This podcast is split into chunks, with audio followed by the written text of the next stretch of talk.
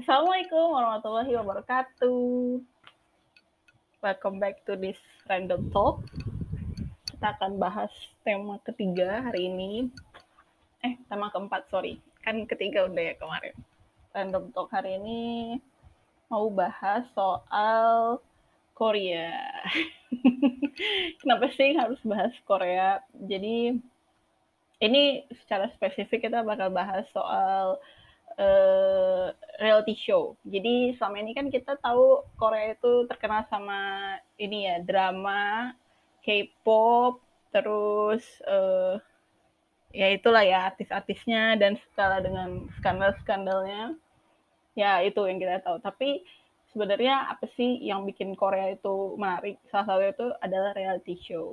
Jadi kalau angkatan anak 90-an itu mungkin tahu Running Man, tahu Infinity Challenge. Nah, cuman kan emang itu reality show reality show yang udah lama ya. Nah, sedangkan uh, aku pribadi itu sebenarnya nggak ngikutin Korea itu awalnya tuh dari SMA tuh cuma ngikut-ngikutin teman gitu kayak oh iya teman suruh nonton ini deh bagus gitu nonton ini deh bagus jadi by recommendation jadi ya udah ikut-ikutan aja biar bisa ngobrol bareng gitu kan di kelas terus kan emang memang Korea Wave itu memang generasi pertama tuh kayaknya buka eh aku mungkin generasi kedua kali ya yang udah angkatannya Suju, Shide yang gitu-gitu. Terus ada Shiny, angkatan-angkatan itulah pokoknya, bukan angkatan yang sekarang ya yang BTS dan segala macamnya. Nah, jadi di angkatan kita itu reality show tuh nggak banyak, cuman kayak uh, reality show yang beberapa doang. Nah, di SMA itu aku sebenarnya nggak nggak banget banget Korea, cuman dari kayak yang ada di TV doang ya, yang ditayangin di Indo dulu di TV-TV ini TV-TV channel-channel Indonesia tuh suka nayangin drama-drama Korea kan yang yang pada pada umumnya semua orang kayak nonton gitu. Jadi ya udah sekedar itu doang, nggak ngulik lebih dalam. Nah, terus waktu kuliah ternyata pertemanan K-pop itu tetap ada terus gitu di di mana pun kita berada ya. Bahkan aku kuliah di apa kuliah di luar negeri juga tetap aja ada gitu. Pertemanan berdasarkan berlandaskan Korean Wave tuh ada tetap ada. Bahkan lintas negara itu benar-benar lucu banget. Jadi emang emang emang impact dari Korea ini menyatukan berbagai bangsa hanya dengan hanya dengan ininya pengaruhnya gitu. Jadi menurut aku itu wow banget. Soalnya uh, kenapa ya kita tuh kadang-kadang ngerasa kayak ya mungkin mereka tuh benar-benar giat gitu bekerja. Jadi memang ada culture yang kayaknya harus diterapin di kita gitu. Karena kita kan cenderung yang kayak males-malesan, yang yang ya tau tipikal nah, kalau menurut aku ya uh, based on the territory juga. Jadi dulu tuh ada satu dosen aku yang bilang kalau negara dengan empat musim itu orang-orangnya itu lebih rajin dibanding orang-orang dengan negara dua musim karena itu impact dari apa climate yang bisa apa ya season season yang bisa ngebentuk karakter suatu bangsa itu. Jadi lucunya tuh emang iya gitu. Karena kan kalau orang-orang yang negara empat musim itu mereka emang lebih giat bekerja karena mereka winter totally off kan. Karena waktu apalagi di zaman dulu tuh yang benar-benar kayak winter tuh benar-benar kayak hibernate gitu kayak benar-benar tidur doang gitu. Sedangkan mereka tuh selama sebelum itu mereka benar-benar giat bekerja gitu kan. Nah kalau kita lihat di bangsa kita tuh cenderung ke males-malesan, santai-santaian gitu kan. Ini nih kenapa nih podcast random karena bisa loncat-loncat. nah itulah pokoknya. Jadi eh, negara kita tuh karena cuma dua musim, jadi kayak ya udah santuy, ya udah santai aja, ya udah kita ini aja. Karena kita juga deket laut kan, kena angin, tidur tiduran, panas, jadi ngapain keluar nanti hitam ya kan. Jadi negara kita tuh cenderung kayak gitu Padahal sebenarnya sih enggak juga gitu, karena kita dari dulu juga terkenal sebagai bangsa yang kayak bekerja keras juga kan. Dan kalau kita lihat dari sejarah juga kita negara yang yang cukup bekerja keras lah ya. Lalu balik lagi ke topik tadi. Nah, jadi uh, ada satu uh, reality show yang menurut aku tuh sekarang tuh kayaknya uh, untuk orang-orang di di zaman ini tuh perlu gitu untuk nonton. Nah, ini aku juga relate sama satu dua dokumenter di Netflix yang aku tonton juga. Jadi eh, judul reality show Koreanya itu namanya The House Detox. Ini reality show yang baru tahun 2020.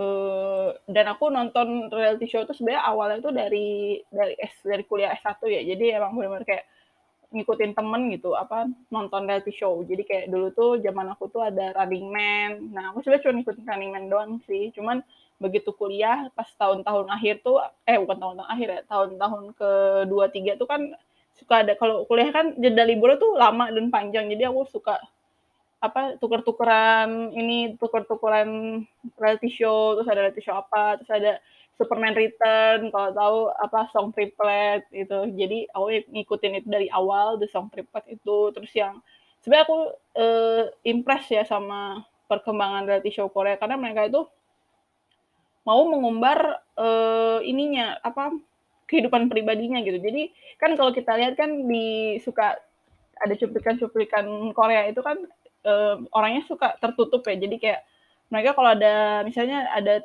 tayangan CCTV itu suka di blur ya kan? Padahal tapi sebenarnya ada orang-orang di Korea itu yang mereka emang open gitu sama kehidupan pribadi ya. Bahkan di beberapa reality show tuh nunjukin bener-bener totalitas kehidupan dia kayak apa sehari-hari dia kayak apa gitu. Walaupun mungkin nggak tahu ya ada settingan atau enggak tapi ya udah mereka benar-benar nunjukin rumahnya rumahnya kayak gimana rumahnya denahnya kayak gimana. Bahkan kita bisa hafal nih rumahnya kayak gini nanti ada ruangan ini ruangan ini. Sebenarnya dari segi safety itu nggak nggak nggak safe ya. Cuman mungkin di Korea karena ininya apa pengamanannya cukup baik di perumahan-perumahannya jadi ya aman-aman aja mungkin ya. Nah itu yang aku kan random kan loncat lagi kan ke mana-mana. Balik lagi ya ke yang uh, reality show satu yang mau aku bahas ini spesifik ke reality show ini namanya di House Detox. Nah di reality show ini tuh uh, sebenarnya aku udah udah sering lihat yang kayak uh, acara-acara kayak rumah-rumah gitu karena aku suka banget sama acara-acara kayak rumah-rumahan gitu kayak beda rumah before after gitu-gitu. Nah di di House Detox ini dia tuh kayak menerangkan prinsip minimalism buat orang-orang Korea yang especially yang entertainer karena mereka uh, entertainer itu cenderung kayak apa ya istilahnya tuh decluttering ya jadi eh apa cluttering gitu. Jadi mereka kayak kayak orang yang suka ngumpulin barang gitu loh. Jadi mereka apa ya orang yang itulah yang suka ngumpulin apa enggak kayak misalnya properti-properti buat show atau apa gitu kan mereka suka ngumpulin kayak baju kostum segala macam dan kayak penghargaan-penghargaan yang mereka dapetin piala-piala segala macam jadi kan memang benar-benar itu ya benar-benar mereka tuh eh, apa sih? Mereka tuh benar-benar kayak heboh gitu kayak kayak sama kayak di Indonesia sebenarnya. Jadi artis-artis di Indonesia kan benar kayak barang-barangnya banyak gitu kan. Kayak baju-baju banyak kayak nggak cuma artis ya orang biasa juga sebenarnya gitu. Jadi kita kalau beli baju tuh kayak baju tuh bertumpuk kayak udah dari bertahun-tahun gitu. Nah jadi kayak penimbun lah ya. Padahal sebenarnya kan kita pakai baju tuh kayak se seminggu tuh cuman uh, apa ya seminggu tuh kayak cuman ya tiga empat baju gitu kan yang buat pergi keluar misalnya. Karena apa apalagi kalau sekarang di rumah gitu ya. Jadi kan kalau kita stay at home ya udah baju satu sehari gitu kan. Kalau misalnya kita pergi-pergi mungkin dua baju sehari kayak gitu. Jadi ya emang kita sebenarnya nggak butuh banyak baju apalagi kita nyuci baju kan. Nah jadi pas aku nonton di House Detox ini itu aku ngeliat banyak banget orang-orang yang cenderung lebih ke arah hoarders ya sebenarnya. Karena mereka barangnya itu benar-benar banyak gitu itu tuh kayak numpuk kayak hoarder lah kayak benar-benar kayak orang yang apa ya bahasanya penimbun gitu kayak satu tempat satu kamar tuh yang kalau di Indonesia tuh kayak barang itu sebenarnya kan nggak banyak ya dibanding umumnya. Pada umumnya orang Indonesia tuh emang udah minimalism gitu menurut aku dibanding orang-orang yang empat musim. Karena mereka pasti punya baju winter karena mereka pasti punya baju autumn spring summer. Kalau kita kan baju ya udah summer doang atau ya summer anti anti air lah ya musim hujan gitu ya gitu-gitu doang bajunya kan. Nah pas aku lihat uh, memang budaya hoarder ini itu berawal dari budaya kita yang konsumtif ya. Jadi uh, atau mungkin uh, apa ya mungkin background background kita misalnya awalnya kita uh, secara ekonomi kita biasa aja terus begitu kita dapat rezeki yang banyak kita langsung kayak pengen belanjain gitu ya. Jadi kayak kita pengen pengen punya barang ini, barang itu yang selalu ada di wishlist kita, di otak kita. Padahal sebenarnya barang itu belum tentu kita butuhin gitu kan. Nah, jadi hmm, pas aku tonton ini, aku tuh jadi ingat, oh iya, dulu aku pernah nonton uh, Marie Kondo di Netflix. Terus aku juga pernah nonton di Netflix juga itu yang judulnya minimalism itu yang dokumenter si dua orang aduh aku lupa namanya jadi aku search ya sambil jadi dia tuh mereka tuh berdua itu sampai resign dari pekerjaannya gara-gara mereka tuh pengen nerapin pola hidup minimalism gitu. Jadi sebenarnya apa sih eh, prinsip minimalism yang mereka terapin tuh memang lebih ekstrim ya maksudnya dibanding yang dari reality show di House Detox itu. Karena uh, prinsip mereka tuh benar-benar yang necessary doang yang buat mereka pakai gitu. Jadi bahkan si salah satu masnya nih siapa ya? Joshua sama Rian ya. Iya ada dua orang kalau nggak salah Joshua sama Rian yang yang satu gondrong, satu nggak gondrong. Bentar ya aku sambil search nih. Nah jadi yang yang satu itu si jadi mereka memang awalnya tuh mereka memang bukan dari background mereka tuh memang bukan dari keluarga yang yang mampu ya Nah, jadi si Nasirian Nikodemus nih yang yang yang gondrong. nah, terus yang nggak gondrong namanya uh, loading loading. yang nggak gondrong namanya siapa nih ya? Rian sama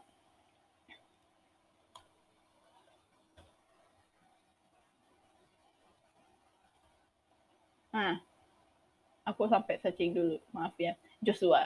Nah, si Joshua yang nggak gondrong, si Rian yang yang yang gondrong.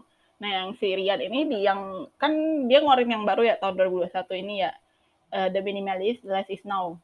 Nah, tapi aku tonton tuh dua. Yang ini yang baru ketonton, yang satu lagi yang sebelumnya itu yang benar-benar ngeliatin dia tuh kayak main si Mas apa sih yang gondrong ini si Rian tadi dia sampai skateboardan tuh sampai kayak sendal sendal tuh dari dari apa dari botol plastik yang dibikin jadi kayak benar-benar kayak ya bukan dikata gembel ya tapi kalau di Indonesia kan tuh kayak kayak apa sih ini orang gitu ya nyusahin hidup gitu padahal sebenarnya dia tuh pengen barang-barang yang dia punya tuh benar-benar yang yang necessary gitu yang dia benar-benar butuhin. Jadi dia bisa jadi emang prinsip minimalism ini sebenarnya menurut aku sih bagus banget ya. Terus kalau berkaca lagi secara secara ini ya idola kita ya uh, misalnya kita lihat Rasulullah aja idola idola orang muslim khususnya ya. Itu kan dia juga menggunakan prinsip minimalisme. Kalau kita lihat dari kisah-kisah hidupnya yang dia hidup tuh cuman sederhana doang bahkan tidur juga nggak punya kasur ya kan? Ya Allah sedih banget. Nah ini emang itu ya jadi kayak reflect lagi oh iya kita nih hidup di zaman yang udah modern yang udah nyaman banget udah ada kasur udah apa jadi bersyukur juga gitu kan. Nah jadi emang ya Allah tuh bener-bener bener-bener gimana ya? Kalau pas aku nonton tuh jadi kayak malu sendiri karena aku jadi kayak flashback lagi ke kehidupan kehidupan aku juga sama ini kayak banyak banget pengaruh-pengaruh dari apa ya dari industri yang buat kita tuh jadi jadi konsumerism gitu. Jadi kayak jadi kayak konsumen yang ketergantungan gitu. Bahkan kita kayak nggak bisa makan kalau kita nggak jajan gitu. Jadi ya gitu karena kita memang pola hidupnya memang jadi konsumen yang yang lebay gitu. Bahkan kadang kalau misalnya apalagi dengan kemudahan online shop gini ya jadi banyak banget kayak barang-barang yang sebenarnya kita kayak nggak butuhin kita beli jadi apa ya atau kita bisa minjem sama orang tapi kita beli atau kayak satu hal aja nih yang kayak uh, orang zaman dulu suka beli misalnya kayak yang yang prestige ya misalnya kayak baju wisuda itu kan kalau kita bayangin kita cuma pakai satu kali seumur hidup ya terus ya alhamdulillah kalau memang bisa disewa kan banyak yang sekarang prinsipnya nyewa gitu ya. Cuman banyak juga yang sekarang tuh kayak masih apa namanya? Eh itu apa namanya? Harus beli gitu. Jadi kayak ya Allah tuh kayak bener-bener gimana gitu. Kehidupan kita tuh kayak dipaksa untuk jadi konsumen gitu. Padahal sebenarnya kita nggak mau jadi konsumen yang yang boros, konsumen yang apa ya? Padahal sebenarnya kayak misalnya kita bisa memanfaatkan uang itu untuk hal yang lebih baik gitu. Atau kalaupun enggak misalnya barang yang udah terlanjur kebeli itu sebenarnya kita bisa bagiin ke orang yang lebih ngebutuhin dibanding kalau kita simpen di lemari doang gitu jadi yang bikin sedih itu kita kita ya jadi makanya ada kesenjangan sosial itu mungkin karena kita kurang berbagi gitu ya. Atau kalau nge-reflect lagi dulu aku bisa pernah kehilangan barang berharga gitu ya. Jadi pas kehilangan tuh aku jadi kayak sadar oh mungkin nih caranya caranya Allah gitu nunjukin supaya kita tuh bisa berbagi gitu. Karena kayak kita jadi dipaksa berbagi gitu. Mungkin suatu kehilangan itu cara Allah untuk nunjukin oh iya kamu tuh harusnya berbagi loh gitu. Jadi kayak jadi kamu dipaksa berbagi sama Allah dengan cara diambil gitu harta yang apa yang kamu hilang itu misalnya. Nah jadi uh, wah jadi kayak ada ini ya. Jadi kayak ada ceramah ya? Ya nggak apa-apa sih. Jadi emang niatnya emang mau ngasih mau ngasih ini juga masukan juga. Ya input positif lah. Jadi uh, menurut aku ya prinsip minimalism ini uh, cocok banget buat buat kita di generasi modern kayak gini apalagi dengan kemudahan yang ada. Terus uh, ini juga maksudnya necessary juga buat kita karena kita hidup di zaman yang makin banyak barang gitu. Jadi kayak benar-benar kita harus jadi smart konsumen juga buat beli barang yang benar-benar kita butuhin gitu. Dan jangan kemakan iklan juga. Misalnya kita uh, punya barang ini yang itu tuh sebenarnya fungsi secara fungsi itu sama gitu dengan fungsi yang barang yang baru misalnya. Misalnya kayak 2.0 sama 4.0 gitu. Cuman ada upgrade-annya gitu. Ya kalau misalnya kita bisa jual dulu baru kita beli yang baru itu ya alhamdulillah gitu. Tapi kebanyakan orang kan nggak gitu. Jadi dia sayang ah mau dijual udah beli aja dulu yang baru gitu kan. Jadi kayak nge-compare ternyata pas dipakai sama aja. Jadi kayak gimana ya uh, sayang ya. Misalnya kayak uh, kita tuh hidup sementara gitu. Kayak nggak bakal lama kok hidup di dunia ini ya paling 100 tahun kalau misalnya kita mau hitung ini ya positif thinking banget ya 100 tahun manusia hidup tuh kayak wow banget ya di zaman sekarang yang dengan dengan dengan fast food dan segala macam penyakit yang ada tuh kayak Masya Allah kalau bisa bisa hidup sampai 100 tahun. Tapi ya anggaplah 70 tahun atau 60 tahun itu kayak sebentar gitu. Jadi kayak emang apalagi kita tumbuh badan kita tumbuh tinggi itu cuma sampai 21 ya kalau nggak salah ya. Jadi emang ukuran baju kita kecuali kalau kita ada ini ya gemuk, hamil atau apa, jadi emang kita bakal berubah size-nya gitu ya. Atau kita ini apa namanya? Atau kita kayak sekarang lagi apa jadi berubah jadi kurus dari gemuk jadi kurus kan kita emang harus jadi beli baju yang lebih kecil tapi kalau bisa sebelum kita beli jadi kita harus keluarin dulu apa yang bisa gitu jadi jangan sampai kita beli beli beli tapi barang yang lama yang udah nggak dipakai tetap tetap aja disimpan di situ. Jadi itu yang bikin kayak kita mikirnya nanti kayaknya bakal kepake lagi deh nanti kayaknya bakal kepake lagi deh. Dan setelah lima tahun kemudian itu barang tetap ada di situ dan nggak kepake-pake. Itu kan jadinya kayak kalau istilah Islamnya mau bazir ya. Jadi kalau istilah orang minimalism juga mereka mikir buat apa gitu barang itu? Jadi membuat hidup kamu tuh penuh dengan barang itu. Sedangkan kamu bisa mengisi hidup kamu dengan hal-hal yang lebih esensial. Misalnya kamu bisa spend time with your family gitu atau kamu bisa spend your money for social activity atau apa gitu ya. Jadi memang benar-benar kayak ya udah gitu. Jangan jangan maruk ya istilahnya. Maruk tuh apa ya?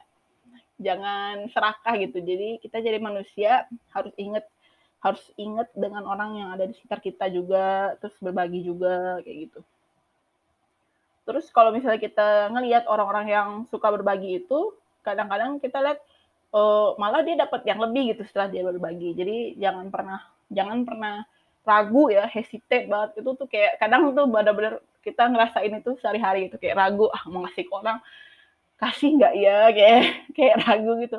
Sayang nih kayaknya masih bisa dipakai. Aduh kasih nggak ya kasih nggak ya gitu. Atau misalnya kita lihat ini barang ngapain ya ada di sini ya? Gunanya apa ya? Buat apa ini di sini? Jadi kadang-kadang kita kayak reflect lagi gitu. Makanya aku nonton reality show ini. Jadi back to topic ya.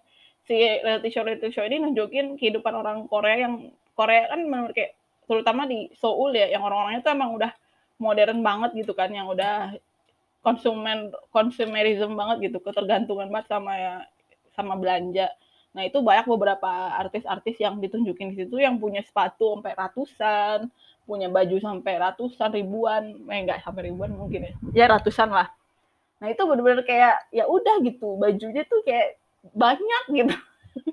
Gimana yang ngejelasinnya ya? Kayak itu untuk satu individu loh. Maksudnya bayang kebayang nggak kalau misalnya kamu di situ hidup bertiga, berlima, istri, anak, suami, wah itu kebayang lah bajunya seberapa. Apalagi kalau anak kecil ya, yang anak-anak anak bayi-bayi gitu kan kebutuhannya kayak banyak banget gitu ya, yang mainannya lah, yang itunya lah. Nah jadi ya semoga ya terutama nih berdoa juga buat buat orang-orang di sekitar aku, orang dekat aku, di circle-circle aku juga supaya mereka bisa mulai sadar kalau kita tuh e, perlu gitu konsep hidup minimalism ini perlu banget karena ya itulah ya itu gimana ya itulah pokoknya kalau kita lihat kayak lihat misalnya kalau kita ngeliat rumah kita yang kayak rumah penimbun itu kayak sedih gitu ngeliatnya kayak kapan rapihnya atau berantakan atau kayak apa gitu. Karena pasti ya mungkin kalau misalnya rata-rata orang Indonesia memang rapi sih ya menurut aku. Ke, kebetulan aku juga punya banyak teman, teman-teman aku tuh yang orang-orangnya perapi gitu. Cuman kadang-kadang teman-teman yang perapi juga pada satu titik di hidupnya dia akan jadi berantakan pada misalnya dia punya anak yang awalnya dia rapi terus begitu dia menikah punya anak terus jadi berantakan karena karena anak-anaknya atau apa itu wajar lah ya. Cuman prinsip minimalism itu sebenarnya bisa juga diterapin buat anak-anak kecil. Bahkan yang aku nonton di reality show Netflix itu anak kecil itu bahkan dididik supaya kayak mainan tuh ya udah kamu butuh apa-apa-apa yang kamu pakai sehari-hari ya udah itu gitu. Jadi kalau misalnya kamu mau yang baru kamu kasih dulu ke temennya gitu. Nah kayak gitu deh prinsipnya. Jadi semoga semoga kita semua bisa jadi orang yang um, positif yang berbagi yang punya impact buat orang lain juga. Terus uh, ayo buka mata kita supaya kita bisa apa ya membuka membuka hati kita lah supaya kita nggak ragu untuk berbagi. Kadang kan kita mikir oh misalnya dulu dulu kita hidupnya susah gitu ya. Ya termasuk aku lah ya hidup hidup aku dulu kan susah gitu. Nah terus begitu kayak sekarang tuh ngeliat dulu tuh teman-teman kalau lihat teman-teman tuh mainannya banyak aku mainannya minjem doang atau main ke rumah teman main di situ doang gitu Nah, terus pas begitu udah gede, terus kayak pengen punya apa yang aku pengen. Jadi kayak udah punya gaji tuh, inget banget aku pernah beli sepatu roda dari gaji aku. Padahal sebenarnya sepatu roda nggak dipakai juga. Jadi kayak cuman ini doang dulu waktu kecil pengen gitu. Jadi akhirnya aku kasih lah itu sepatu roda kan. Jadi emang uh, itulah ada di ada desire ya apa ya? Desire tuh hasrat ya. Hasrat kita supaya membeli apa yang dulu kita nggak bisa beli gitu. Karena dulu kita nggak nggak punya uangnya terus begitu kita punya uangnya jadi kita pengen beli gitu. Kayak baju-baju yang bagus atau tren-tren yang terkini itu kayak apa-apa aja. Itu kadang-kadang tuh kita kayak ada desire oh aku mau beli ini aku pengen beli ini aku pengen beli. dulu aku nggak bisa beli aku beli A. Terus begitu beli jadi banyak gitu kayak langsung kayak kalau misalnya di online shop tuh sampai penuh basketnya gitu kan terus langsung di check out lah nah itulah. Kadang-kadang tuh kita nggak bisa menahan di hasrat itu karena apa ya? Ya mungkin tuh part of your life ya jadi emang nggak nggak cuman orang yang tadi ya susah ya bahkan orang yang udah kaya juga mereka tetap aja bakal belanjain uangnya dengan hal yang dia pengenin gitu. Karena itu emang sifat manusia itu ya makhluk yang konsumtif ya memang. Walaupun sekecil apa pun kita tetap konsumer gitu. Jadi ya makanya ada konsep minimalism ini supaya kita bisa apa ya mengatur hasrat itu supaya lebih bermanfaat, lebih berfaedah dan juga supaya kita tuh nggak menyanyiakan diri kita dengan hal-hal yang sebenarnya tuh bisa kita pakai untuk hal yang lebih baik lagi. Kayak misalnya si Rian sama si Joshua ini, mereka setelah resign terus mereka jadi bisa menata hidup mereka. Apalagi yang si Rian eh si Joshua ini kan dia divorce ya. Jadi dia bisa nemu apa nemu second wife-nya bisa punya anak anak anak gitu jadi emang kayak uh, apa ya memang kayak hidup dia jadi kayak lebih stabilize gitu ya kayak lebih stabil jadi lebih jadi lebih bahagia jadi lebih kayak oh iya ternyata selama ini tuh uh, kita bisa melakukan ini bersama-sama gitu dibandingkan kita sibuk konsumer, sibuk beli barang atau sibuk main handphone. Kayak yang di house detox itu juga itu kayak beberapa ruangan tuh yang tadinya cuma jadi gudang itu ternyata ruangannya bisa ditransform menjadi ruangan yang common gitu. Jadi kayak ruangan yang bisa dipakai bareng-bareng keluarga atau ruangan yang bisa dipakai buat hobi dia yang yang dia memang suka gitu. Cuman kan karena ruang itu jadi gudang dia jadi nggak bisa ngelakuin apa yang dia suka itu kan.